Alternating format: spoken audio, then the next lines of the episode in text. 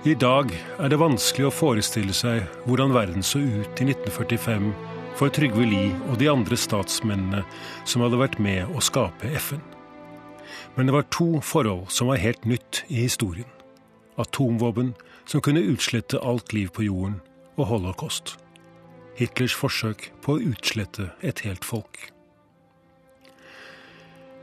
I tillegg kom et Europa lagt i ruiner en flyktningestrøm som verden aldri hadde sett maken til, og en gryende erkjennelse av at seiersmaktene ikke sto sammen om freden, men tvert imot skulte på hverandre med mistenksomme blikk og planla hver sin måte å dominere verden på. Historikeren Ian Buruma har kalt 1945 for år null. Ingenting kunne være som før. Hele vår bevissthet om oss selv og vår egen historie måtte nullstilles. FN skulle garantere for fred og rettferdighet. På sin 70-årsdag uttalte Trygve Lie dette om hva som hadde vært de vanskeligste sakene i hans arbeid som generalsekretær. Det var vel enkelte ganger jeg trodde at uh, nå ville krigen, en ny verdenskrig, bryte ut. Vi hadde lokale konflikter, lokale kriger. Men jeg var redd for at uh, enkelte situasjoner kunne bli nesten umulig å handle med. Det var først og fremst uh, Palestina-konflikten, krigen mellom Israels befolkning og araberne. Og uh, så hadde jeg da senere Berlin-blokaden, hvor lite uhell kunne ha brakt Sovjetsamveldet i krig med Vest-Europa og Amerika. Og uh, senere da Korea-konflikten, som i virkeligheten var en, en krig mellom uh, USA på den ene siden og Sovjetsamveldet på den andre side. Odd Karsten Tveit har tilbrakt nærmere 40 år i Midtøsten og skrevet flere bøker om Norges forhold til Israel. Ja, Trygve Lie og andre de fryktet at borgerkrigen mellom de innvandrede jødene og Palestinas kristne og muslimer skulle skyte fart. Og hvis araberstatene blandet inn for alvor, kunne hele regionen eksplodere. Den kalde krigen mellom Sovjet og USA i Europa kunne da rett og slett forflytte seg og bli til en varm krig i Midtøsten. På tross av denne faren var Trygve Lie selv en ivrig forkjemper for opprettelsen av staten Israel. Dette sa hans partifelle og Israel-venn Håkon Lie. Trygve Lie vurderte det som en av sine store bragder i, innenfor FN. Ingen tvil om det. Det. Han regnet i staten Israel som sitt barn. Og Det er ikke uten grunn at Trygve Lie satt igjen med dette inntrykket at det var han som i virkeligheten var med og la grunnlaget for staten Israel. Da FN ble grunnlagt etter krigen, fantes det ikke noen israelsk stat. Den eksisterte bare i hodene til en liten gruppe sionister som drømte om et nytt hjem for det jødiske folk. I 1945 var Palestina fremdeles et område under britisk mandat, der muslimer, kristne og jøder bodde side om side. Men holocaust, Hitlers masseutryddelse av jødene, hadde skapt et helt nytt klima i spørsmålet om et hjem for jødene. Det seiersmaktene var opptatt av nå, var de jødene som hadde overlevd folkemordet. Ikke slik å forstå at USA og Storbritannia åpnet portene til fri immigrasjon av jøder. Overhodet ikke. Men de så med velvilje på at jødene kunne få et hjem i Palestina. Der bodde det i 1945 drøyt én million muslimer og kristne og en halv million jøder. Området var på størrelse med Trøndelag fylke. I sin bok Syv år for freden skrev Trygve Lie.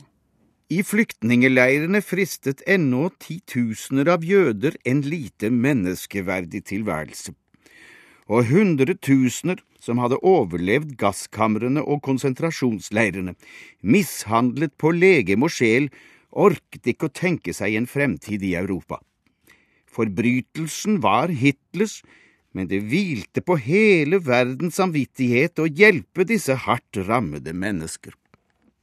Mange av disse stakkars flyktningene i leirene i Europa, de ville til USA. Men der var det motstand. Antisemittismen florerte. Amerikanerne ville ikke ha hundretusener av nye jøder til landet. Det var bedre å eksportere hele problemet til Palestina. Når krigen var slutt, så var det for ledersjiktet i Norsk Arbeiderparti en selvfølge at jødene burde få sitt hjemland. Det som hadde skjedd med holocaust, jødeforfølgelser gjennom årtier osv. Nå måtte dette endelig skje, at jødene fikk et fristed. Det var den alminnelige oppfatningen. Og så kommer altså Trygve Lie inn i posisjonen som generalsekretær i FN. Den 2. april 1947 havnet Palestina-spørsmålet på bordet til generalsekretær Trygve Lie. Palestinasaken som sådan har jo stått på dagsorden, om en kan si det slik, i de siste 2000 år. Britene var utmattet av å styre landet. Den jødiske innvandringen økte i takt med arabiske protester og motstand. Sionistene og de kristne og muslimske palestinerne mislikte hverandre, men begge mislikte britene enda mer. Nå ville regjeringen i London at FN skulle ta over. Slik lød brevet Trygve Lie fikk fra den britiske utsendingen. I årevis har vi forsøkt å løse Palestina-problemet. Etter at alle våre anstrengelser hittil har vært forgjeves, legger vi nå Palestina-problemet frem for De forente nasjoner i håp om at denne organisasjonen vil ha hellet med seg der vi mislyktes. Dette var både en gave og en forbannelse. En gave fordi det kunne gi FN og Trygve Lie anledning til å vise hva organisasjonen virkelig var god for. En forbannelse fordi det trolig ikke fantes noen løsning som begge parter kunne gå med på uten tvang. Og noen tvangsmidler fantes ennå ikke i FNs verktøykasse.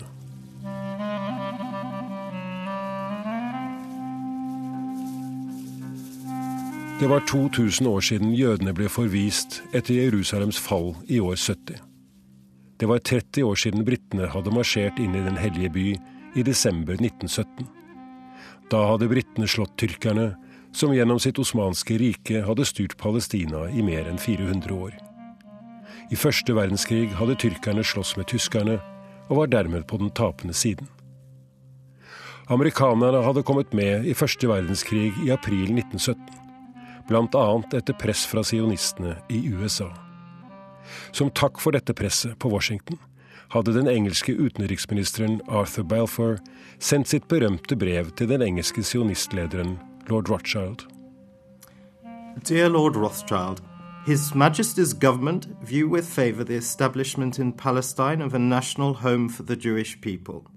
I should be grateful if you would bring this declaration to the knowledge of the Zionist Federation. Yours, Arthur Balfour. Balfour skrev ikke når dette skulle skje, heller ikke hvordan, og heller ikke hvor stort dette hjemmet skulle være. Men i det samme brevet til lord Rothschild skrev han også. It being clearly understood that nothing shall be done which may prejudice the civil and religious rights of existing non Jewish communities in Palestine.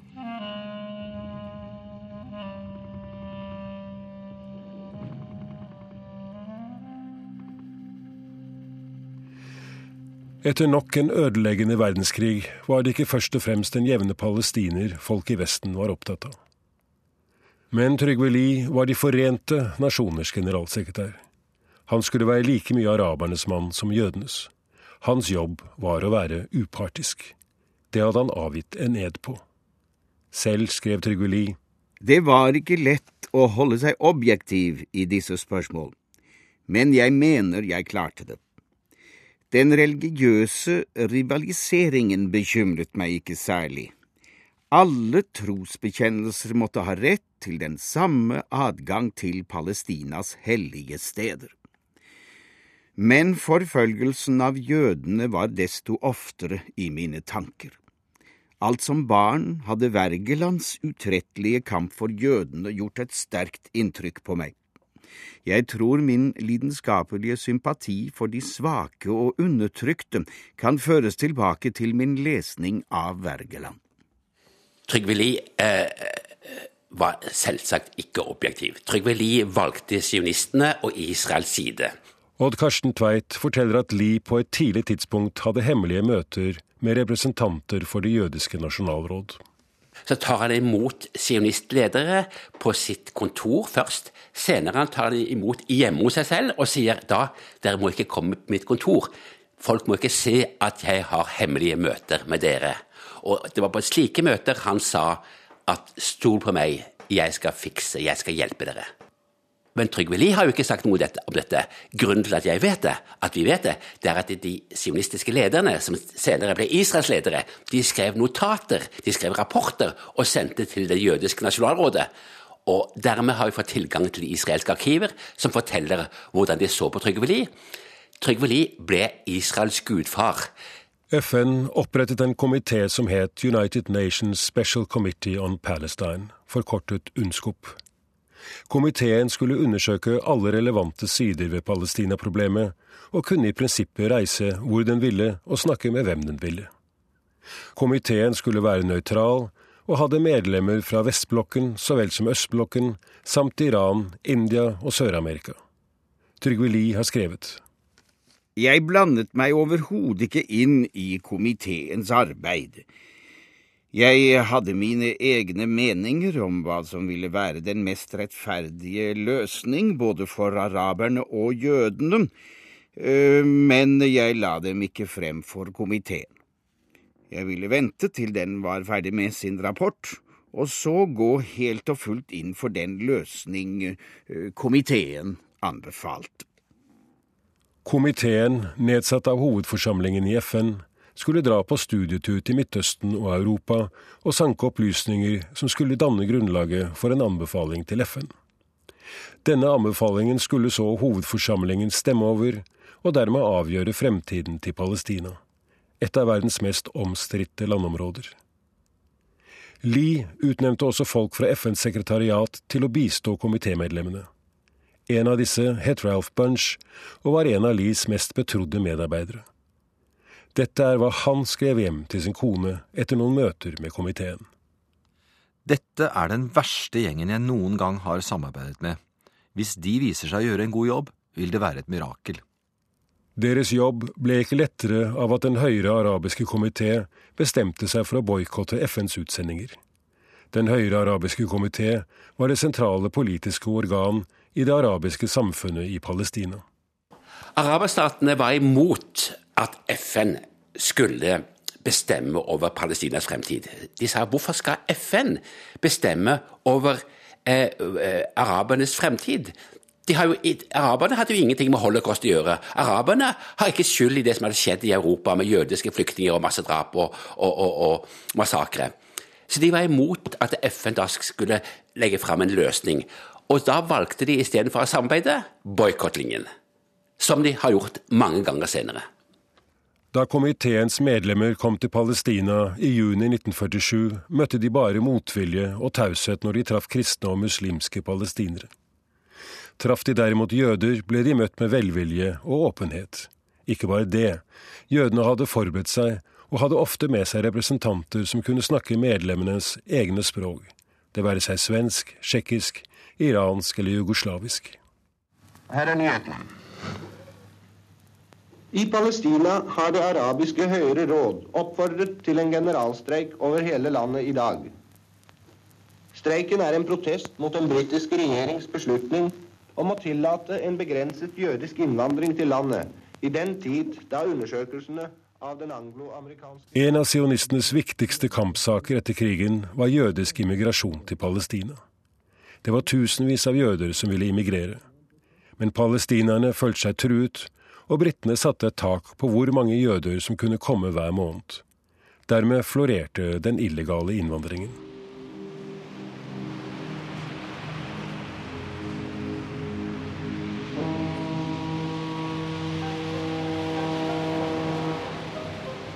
Det mest berømte eksempelet var flyktningskipet Exodus.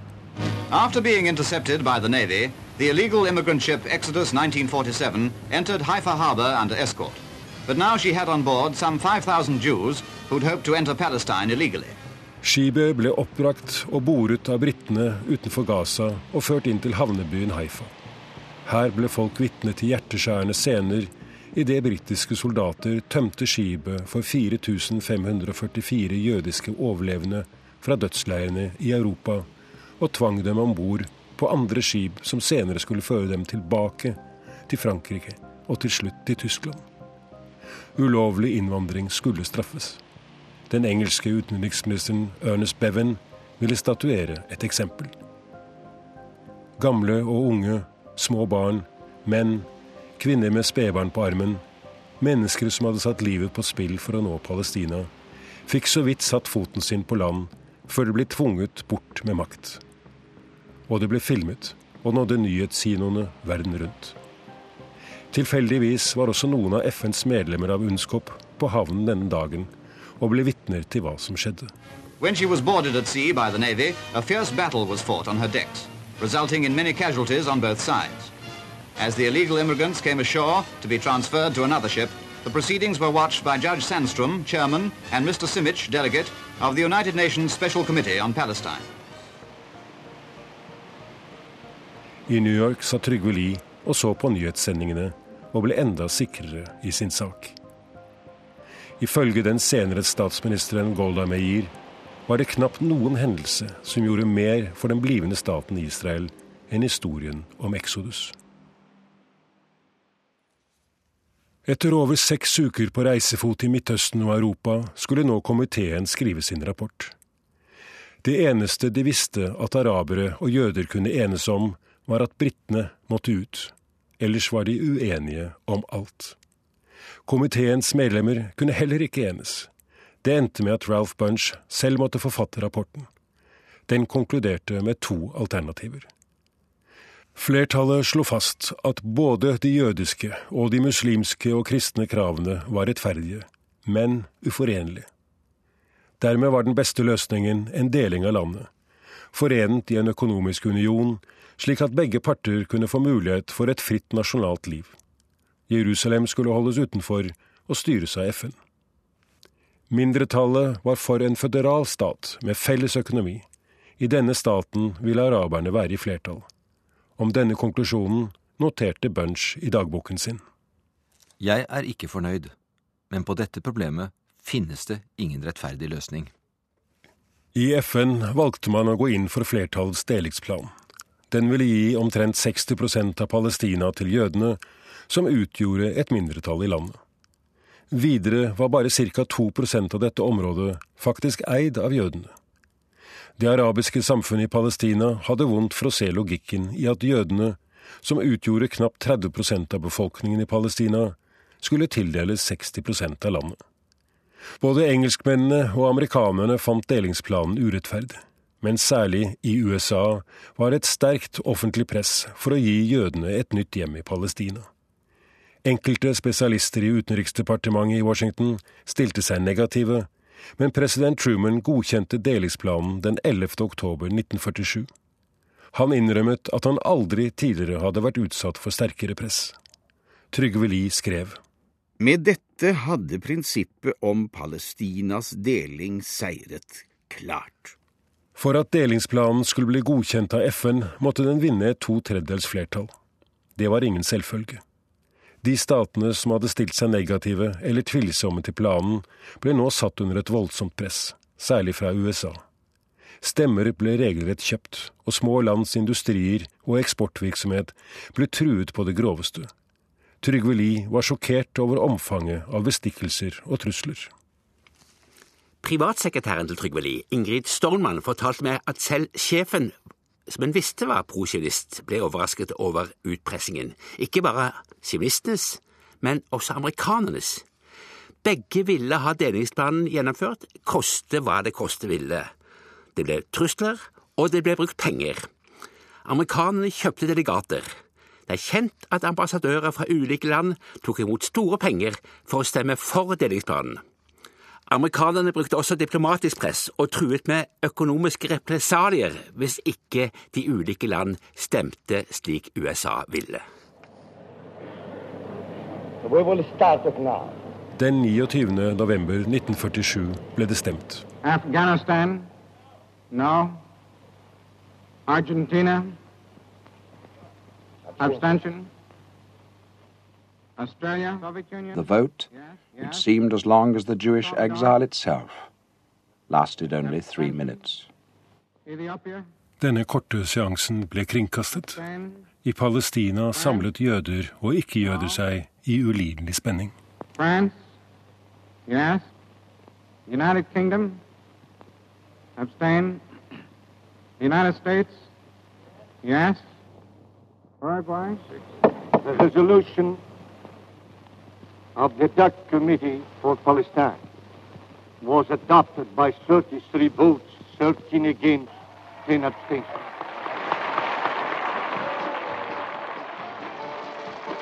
I New York og den jødiske delen av Jerusalem brøt jubelen løs. For de kristne og muslimene i Palestina ble dagen et bittert nederlag.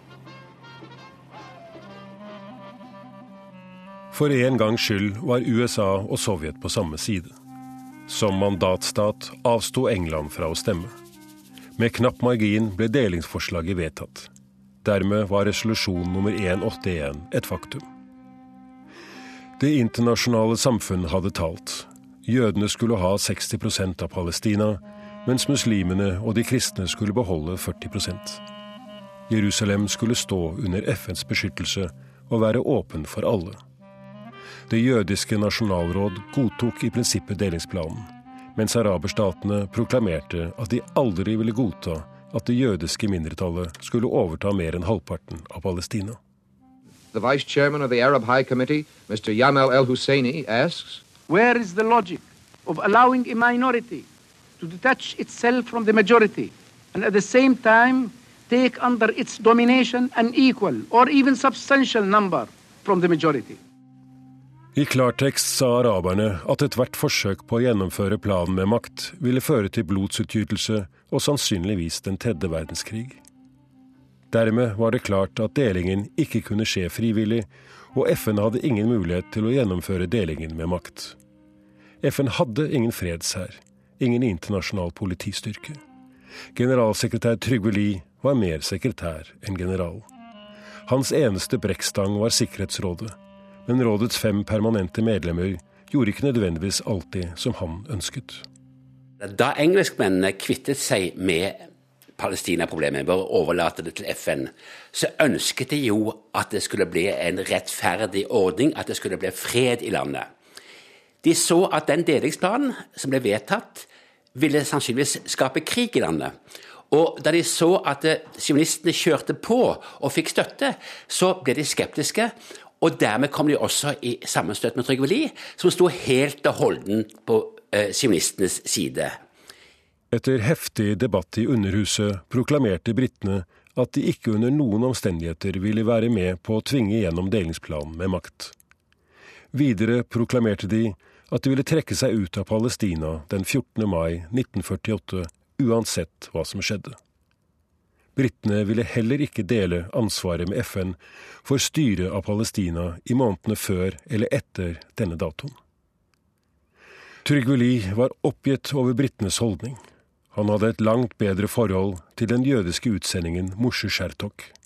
Han ble senere israelsk utenriksminister og tok navnet Moshe Sharet. Shertok og jeg hadde mange nyttige diskusjoner, både under møtene og i mitt hjem. Vi arbeidet begge ut fra forskjellige motiver for det samme mål, å gjennomføre generalforsamlingens vedtak. Det er ikke nødvendig for meg å si at jeg ville vært henrykt om jeg hadde hatt et like intimt samarbeid med den arabiske høykomiteen.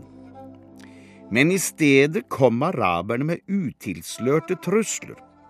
Den 6. februar skrev representanten for Arab Higher Committee til meg. Araberne i Palestina vil aldri underkaste seg eller vike for noen makt som kommer til Palestina for å tvinge gjennom en deling. Den eneste måte å gjennomføre en deling på er først å utrydde dem alle, menn, kvinner og barn. Trygve Lie var overbevist om at delingsplanen måtte gjennomføres. Det sto om FNs prestisje, og det sto om hans egen. At araberne ville kjempe mot, brydde han seg ingenting om. Han ville at britene gradvis skulle trekke seg ut, og at FN skulle styre Jerusalem og Betlehem. Og for å overbevise briten om en gradvis tilbaketrekking, sendte han stabssjefen sin til London. Men det hjalp ikke. Britene nektet, og det var da Trygve Lie kom med denne kraftsalven. De er de verste gatetyvene jeg noen gang har møtt. Det var slike utsagn som Trygve Lie brukte for å karakterisere folk som ikke var enig med ham. Nå begynte også Washington å få kalde føtter. Om det skyldtes det vanskelige samarbeidet med London, den overraskende sterke arabiske reaksjonen eller bekymring for egne oljekonsesjoner i arabiske land, er vanskelig å si. Men Washington lanserte nå en ny plan, nemlig den at man skulle skyve hele delingsplanen ut i det blå, og heller satse på at Palestina midlertidig skulle være et tilsynsområde under FN. Trygve Lie skrev. Amerikanernes helomvending skapte arabisk begeistring, sionistisk fortvilelse og britisk selvrettferdighet. Trygve Lie var rasende, og han var såret. Han ringte til den amerikanske FN-utsendingen og ba om et møte. Warren Austin inviterte Lie hjem til sin suite på hotell Waldorf Astoria. Her er Lies beskrivelse av møtet. Jeg la frem for ham alt hva jeg tenkte på. Min følelse av sjokk, og jeg kan nesten si personlig sorg. Washington visste meget godt hvor jeg sto i kampen for å sette delingsplanen ut i livet. Et tilbaketog ville føles som et slag i ansiktet. Ikke bare at enhver svikt overfor De forente nasjoner ville være et slag for dets generalsekretær, men i denne saken hadde jeg personlig engasjert meg meget sterkt. Jeg sa til Mr. Austin, du har også engasjert deg, dette er et angrep på din oppriktige hengivenhet overfor De forente nasjoner, like meget som på min. Jeg foreslår at du og jeg, som en protest mot dine instrukser, og som et middel til å henlede offentlighetens oppmerksomhet på den fare De forente nasjoner nå svever i, begge to innleverer våre avskjedssøknader. Trygve, svarte Austin, og jeg hørte at han var beveget. Jeg visste ikke at du var så følsom. Austin ville ikke trekke seg, og han rådet Lie til heller ikke å gjøre det. De skilte som venner, og Trygve Lie la kursen mot den sovjetiske utsendingen Andrej Gromyko. Den gangen hadde de fortsatt et åpent og ureservert forhold. Lie fortalte at han overveiet å trekke seg i protest mot amerikanernes nye holdning. Aldri har jeg møtt en så velvillig ambassadør som Gromyko. Hans melankolske trekk formelig lyste opp av sympati. Men det virket som mitt forslag også skremte ham litt. Personlig håper jeg at de ikke vil tre tilbake, sa han, og jeg vil råde dem fra å gjøre det. Gromyko ønsket å rådføre seg med Moskva. Han ba Trygve Lie ikke foreta seg noe før han hadde fått svar derfra. På tirsdag tok Gromyko meg til side. Han hadde telegrafert til Moskva, fortalte han, og Moskva hadde svart nei, absolutt nei. Jeg fulgte det råd jeg fikk fra Mr. Austin og Moskva, og ble stående. Imens gikk tiden, og tidspunktet for britenes avskjed med Palestina nærmet seg. Voldshandlingene i landet bare økte. From Palestine come cries of peoples, and the voices are heard by the United Nations. Arabs and Jews fight and die in Palestine. Det ble begått terrorhandlinger mot sivile på begge sider. Alle parter led smertelige tap. Trygve Lie hadde ikke noen fredsstyrke å sende, men han sendte 500 observatører, og han sendte sin ekspert på militære spørsmål, den norske obersten Alfred Roscher Lund. Oberst Rangvald Alfred Rochalund hadde vært etterretningssjef eh, under krigen, stasjonert i London med regjeringen. Og da Trygve Lie ble generalsekretær i FN, så valgte han å ta eh, Rochalund med seg som hans militære rådgiver. Og da eh, FN bestemte seg for å dele Palestina i to, og FN skulle overta styringen av Jerusalem med omkrets, så ble Rochalund en del av et team, et FN-team, som skulle forberede overtakelsen av Jerusalem og Betlehem. Han kom til Jerusalem i begynnelsen av mars 1948. Byen var delt i to. I øst regjerte araberne, i vest britene. Jødene holdt til i den britiske delen. Spenningen var stor. Det var Lunds jobb å snakke med alle parter og å danne seg et bilde av hva som kom til å skje i det øyeblikket britene trakk seg ut av Palestina den 14. mai. Lund var FNs mann. Også han skulle være nøytral, men verken araberne eller britene var spesielt vennlig innstilt overfor FN og ville ikke ha mye med nordmannen å gjøre. Jødenes representant fra Jødisk råd, derimot, ville gjerne treffe Lund. Major Vivian Weitzmann, som senere skulle bli president i Israel under navnet Haim Weizmann, merket snart at nordmannen hadde stor sympati for jødenes sak, noe han noterte i sine rapporter. Gradually, the, all the, uh, my colleagues in the Jewish agency realized that here we had a real friend.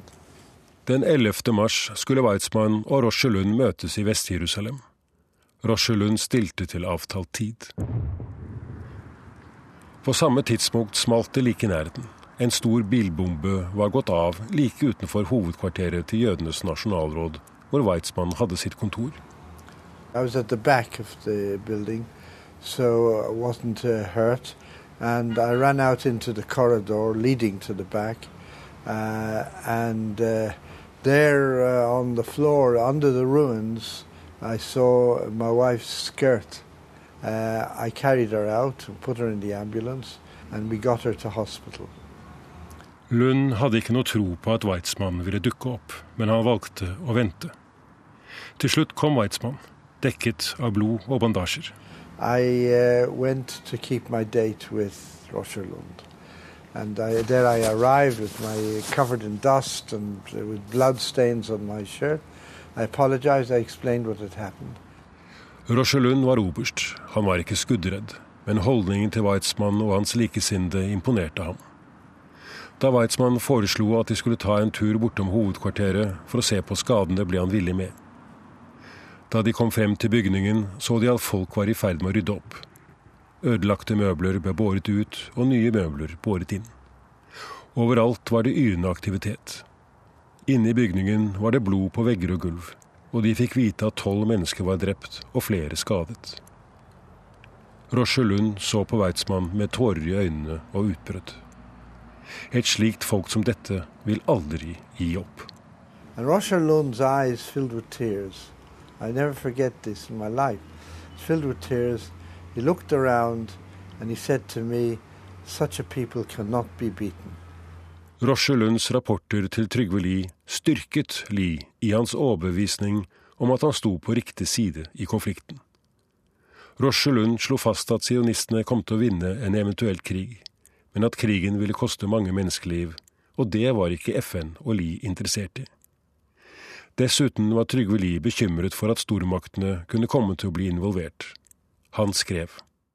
Hvis ikke Sikkerhetsrådet begynte å fungere, kunne lett uroligheten i Palestina utarte til et blodbad, og hvem vet hvem som ville bli trukket inn i konflikten. Britene trakk seg ut av Palestina fredag den 14. mai 1948.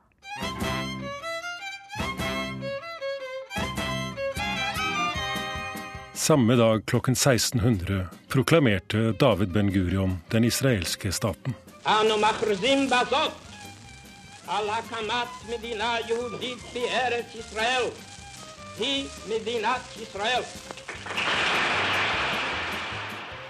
Det jødiske råd hadde brukt FNs resolusjon 181 som folkerettslig hjemmel for å proklamere sin egen stat. Det hvite hus var først ute med å anerkjenne den nye staten. Så fulgte Moskva og etter hvert resten av verden. Den 15. mai mottok Sikkerhetsrådet et telegram fra den egyptiske utenriksministeren.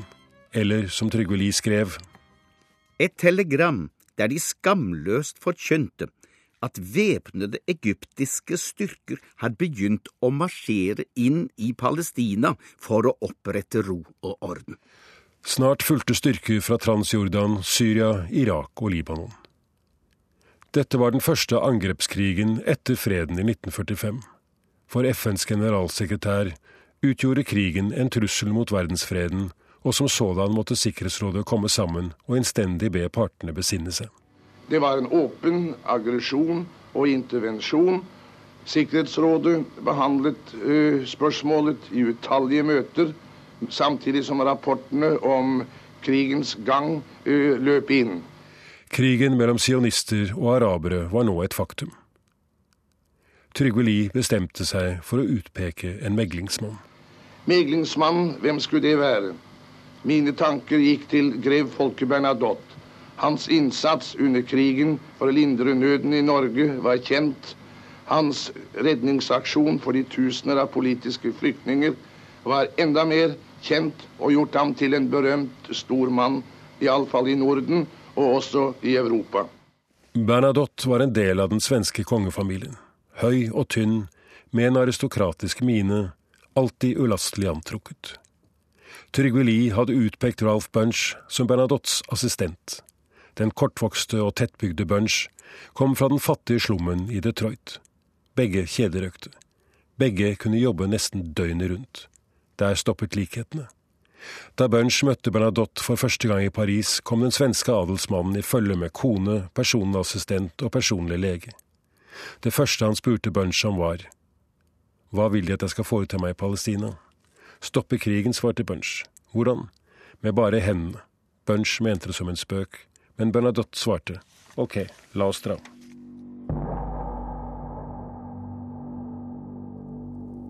Roche Lunds rapporter til Trygve Lie viste seg å stemme. Krigen gikk bra for den unge jødiske staten. Den tok mer og mer land og drev de arabiske styrkene på retrett. En blanding av raske offensiver og regelrett terror førte til at befolkningen fikk panikk og flyktet i tusentalls. Landsbyene deres ble rasert av de sionistiske styrkene. For Ben Gurion gjaldt å ta så mye land som mulig før de ble tvunget til fred. Dermed ble FNs delingsforslag aldri realisert. Nå var det kanonene som talte, ikke FN. I New York satt Lie og var hoderystende tilskuer til sin egen organisasjons passivitet. Selv ikke Sikkerhetsrådet klarte å manne seg opp til å fordømme krigen. Lie mente at det var små utsikter til å få slutt på blodbadet hvis ikke britene forandret sin politikk. Alt var forvirring, de store stater var svake, og først i slutten av mai kom det en resolusjon med tenner i. Den forlangte at de krigerske handlinger skulle stanse. Bernadotte og Bunch drev skytteltrafikk med sitt hvitmalte fly fra hovedstad til hovedstad. Den 11. juni ble den første våpenhvilen undertegnet. Den skulle vare i fire uker. Bunch skrev hjem til sin kone. De blir angrepet av både den jødiske og den arabiske pressen. Araberne er spesielt sinte på Bernadotte fordi han fikk Sikkerhetsrådet til å beordre araberstatene til en våpenstillstand. Så beskriver han opptøyer i Kairo, Amman og Bagdad, og avslutter brevet slik. Det er virkelig et under at verken greven eller noen av de andre i hans følge er blitt skutt på her ute. For alle tilfellers skyld vedlegger jeg testamentet som jeg fortalte deg om. Den 18. juli klarte Bernadotte å få til den andre våpenhvilen, og denne gangen hadde den ingen tidsbegrensning. Nå kunne han igjen ta fatt på meklingen. Både for ham og Bunch var det viktig å finne en løsning som var mest mulig rettferdig for begge parter. FNs delingsplan fra 1947 var så godt som død ettersom de israelske styrkene hadde tatt så mye land som de ikke ville gi fra seg igjen. Dertil kom flyktningproblemet. Mer enn 700 000 palestinere fordrevet fra sine hjem. Israel mente at dette ikke lenger var deres problem, ettersom araberne hadde angrepet. Til slutt var det spørsmålet om hvem som skulle ha herredømme over den hellige by. FN ville at Jerusalem og Betlehem og områdene rundt skulle være internasjonale og ligge under FNs beskyttelse. Alt dette skulle Bernadotte finne en løsning på, og han sendte sine hemmelige rapporter direkte til Trygve Lie. Bak Bernadottes rygg råder Trygve Lie israelerne til å opptre ytterst bestemt og målrettet overfor greven. Generalsekretæren ga også israelerne flere av Bernadottes interne arbeidsnotater. Det skjedde selvsagt også i dypeste hemmelighet. Samme dagen som Bunch skulle reise fra New York for å møte Bernadotte i Stockholm, ble han kalt inn på kontoret til Trygve Lie. Der ble han møtt av en høytstående israelsk representant som beklaget seg over Bernadottes planer om å innskrenke jødisk immigrasjon av menn i stridsdyktig alder til Israel. Han minnet Bunch på at det var nettopp striden om immigrasjon som hadde brakt jødene til kamp mot britene. Da Bunch forlot kontoret til Trygve hadde han en vag følelse av at det ikke bare var jødene og araberne som var imot hans egne og Bernadottes anstrengelser men at heller ikke FNs generalsekretær kunne regnes som en trygg støttespiller. Selv uttalte Trygve Lie. Palestina-saken var bokstavelig talt ladet med dynamitt. Et mer komplisert problem skal man lete lenge efter. Verden skylder stor takk, først og fremst til grev Folke Bernadotte, som i den vanskelige og krevende rolle som FNs meglingsmann aldri har gitt opp. Den 16. september sendte Bernadotte en rapport til Trygve Lie der han påpekte at han var kommet frem til en ny delingsplan som det var uhyre viktig at FN reagerte på omgående. Han ville selv komme til Paris og fremlegge planen når generalforsamlingen ble samlet til sesjon. Jeg tror at om generalforsamlingen nå tar det rette steget, kan vi ta knekken på problemet. Det skulle være en fruktansvärd tragedi om vi ikke griper sjansen. Jeg ser fram emot å treffe er i Paris inom noen dager og hoppas at ni hadde trevligt under ert besøk i Norge. Er Folke Bernadotte. Bernadotte var nå optimistisk. Den 17. september skulle han og Bunch kjøre sammen til et møte med den israelske militærguvernøren i Jerusalem. Men Bunch ble forsinket. Etter å ha ventet en drøy halvtime ble Bernadotte utålmodig og kjørte uten ham. Fem over fire på ettermiddagen ble bilen hans stanset av ytterliggående sionister som myrdet Bernadotte og hans medhjelper, men lot sjåføren leve. Eh, jeg snakket med eh, tidligere statsminister Yitzhak Shamir, som var en av de tre som bestemte at Bernadotte skulle drepes.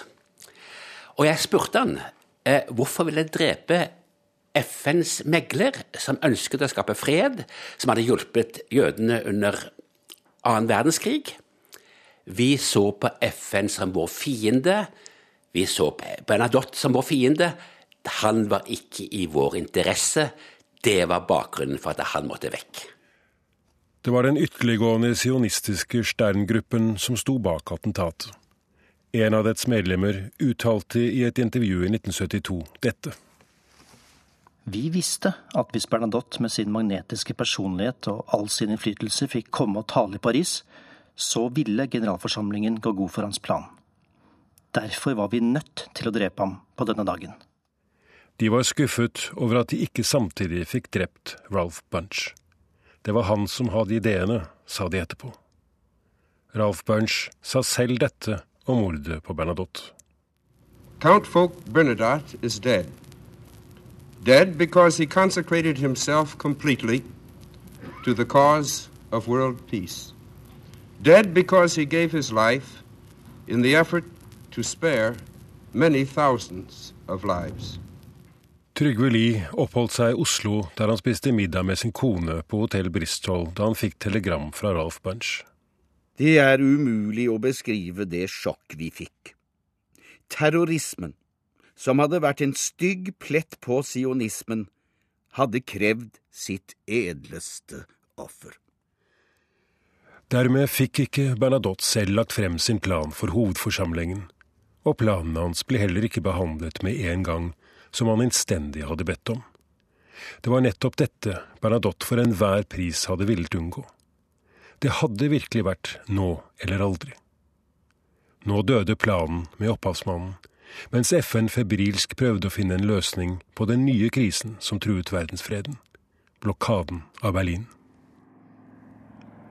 Da flyet med Bernadottes båre mellomlandet i Paris på vei til Stockholm, kom Trygve Lie ut til flyplassen for å ære fredsmekleren som han selv hadde utnevnt. Så dro han tilbake til møtene i Chaillot-palasset i hjertet av Paris for å fortsette forhandlingene om Berlins fremtid. Ralph Bunch ble utnevnt til Bernadottes etterfølger og fortsatte sitt meklingsarbeid. Året etter, den 24. februar 1949, klarte han å få Egypt og Israel til å underskrive en fredsavtale. Fra Rådås kunne man høre Bunch tale til FN på kortbølgesenderen. The signing of the Egyptian-Israeli General Armistice Agreement is a momentous event in the history of Palestine and in the relations between Israel and the Arab states. Noen måneder senere fulgte fredsavtaler mellom Israel og de andre arabiske statene. Dermed var Israel klar til å søke medlemskap i FN. Også ordskiftet om Israels medlemskap har vært interessant. Det viktigste der er resultatene av FNs meglingsarbeid.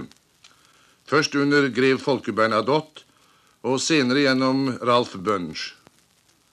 Nå er heldigvis fredelige tilstander gjenopprettet, og den nye staten Israel, som FN har skapt, har nå krav på å få en plass i forbundet av frie nasjoner. Men ikke alle var enige med Trygve Lie. Svenskene f.eks. var svært misfornøyde med at etterforskningen av mordet på Bernadotte ikke hadde høy prioritet. Til dags dato er ingen blitt straffet for ugjerningen.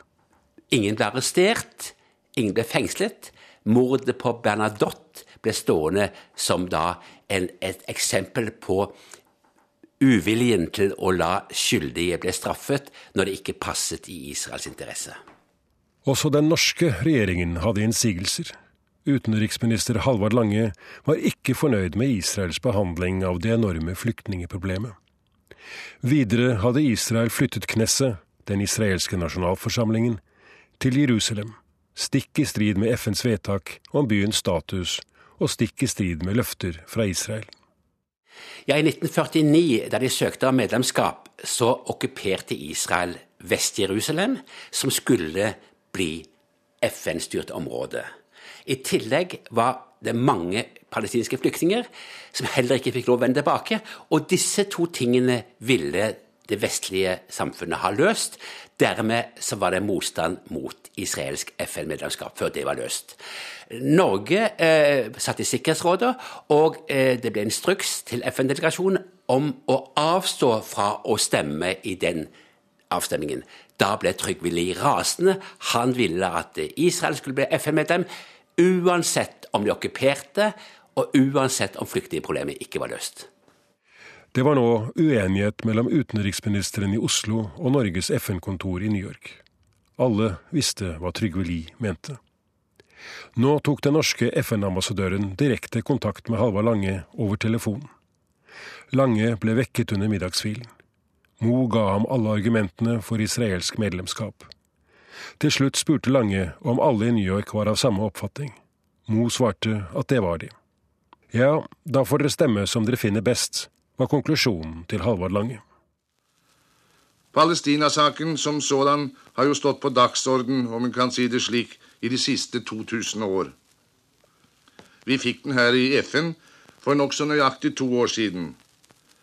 Selv de mest kritikksyke må vel innrømme at resultatet er bra etter snaue 24 måneders eh, behandling. På 24 måneder var Palestina blitt forvandlet fra å være ett britisk mandatområde til å bli delt i tre. En selvstendig israelsk stat, Vestbredden og Øst-Jerusalem under jordansk herredømme og Gaza under egyptisk herredømme. De muslimske og kristne palestinerne bodde i alle tre områdene og i flyktningleirer i nabolandene, men hadde ingenting de kunne kalle sitt eget land. På 24 måneder hadde den jødiske drømmen om en egen stat blitt i virkelighet, og staten hadde med makt erobret mer land enn det FN hadde tenkt seg. Nå ble Israel også tatt opp som fullverdig medlem av FN. Onsdag den 11. mai 1949 stemte Norge for fullt medlemskap. And I therefore formally declare Israel admitted to membership in the United Nations.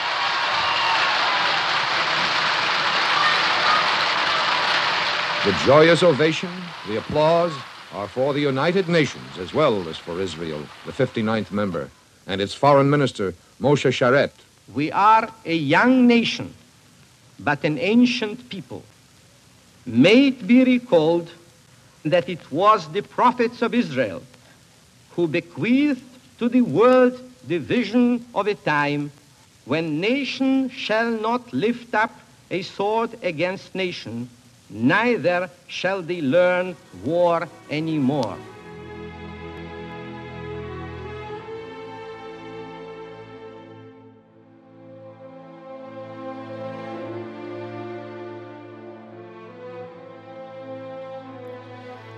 Men vi skal ett år tilbake, til mars 1948. Det har vært et kommunistisk kupp i det demokratiske Tsjekkoslovakia. Ingen er i tvil om at det var Stalin som sto bak.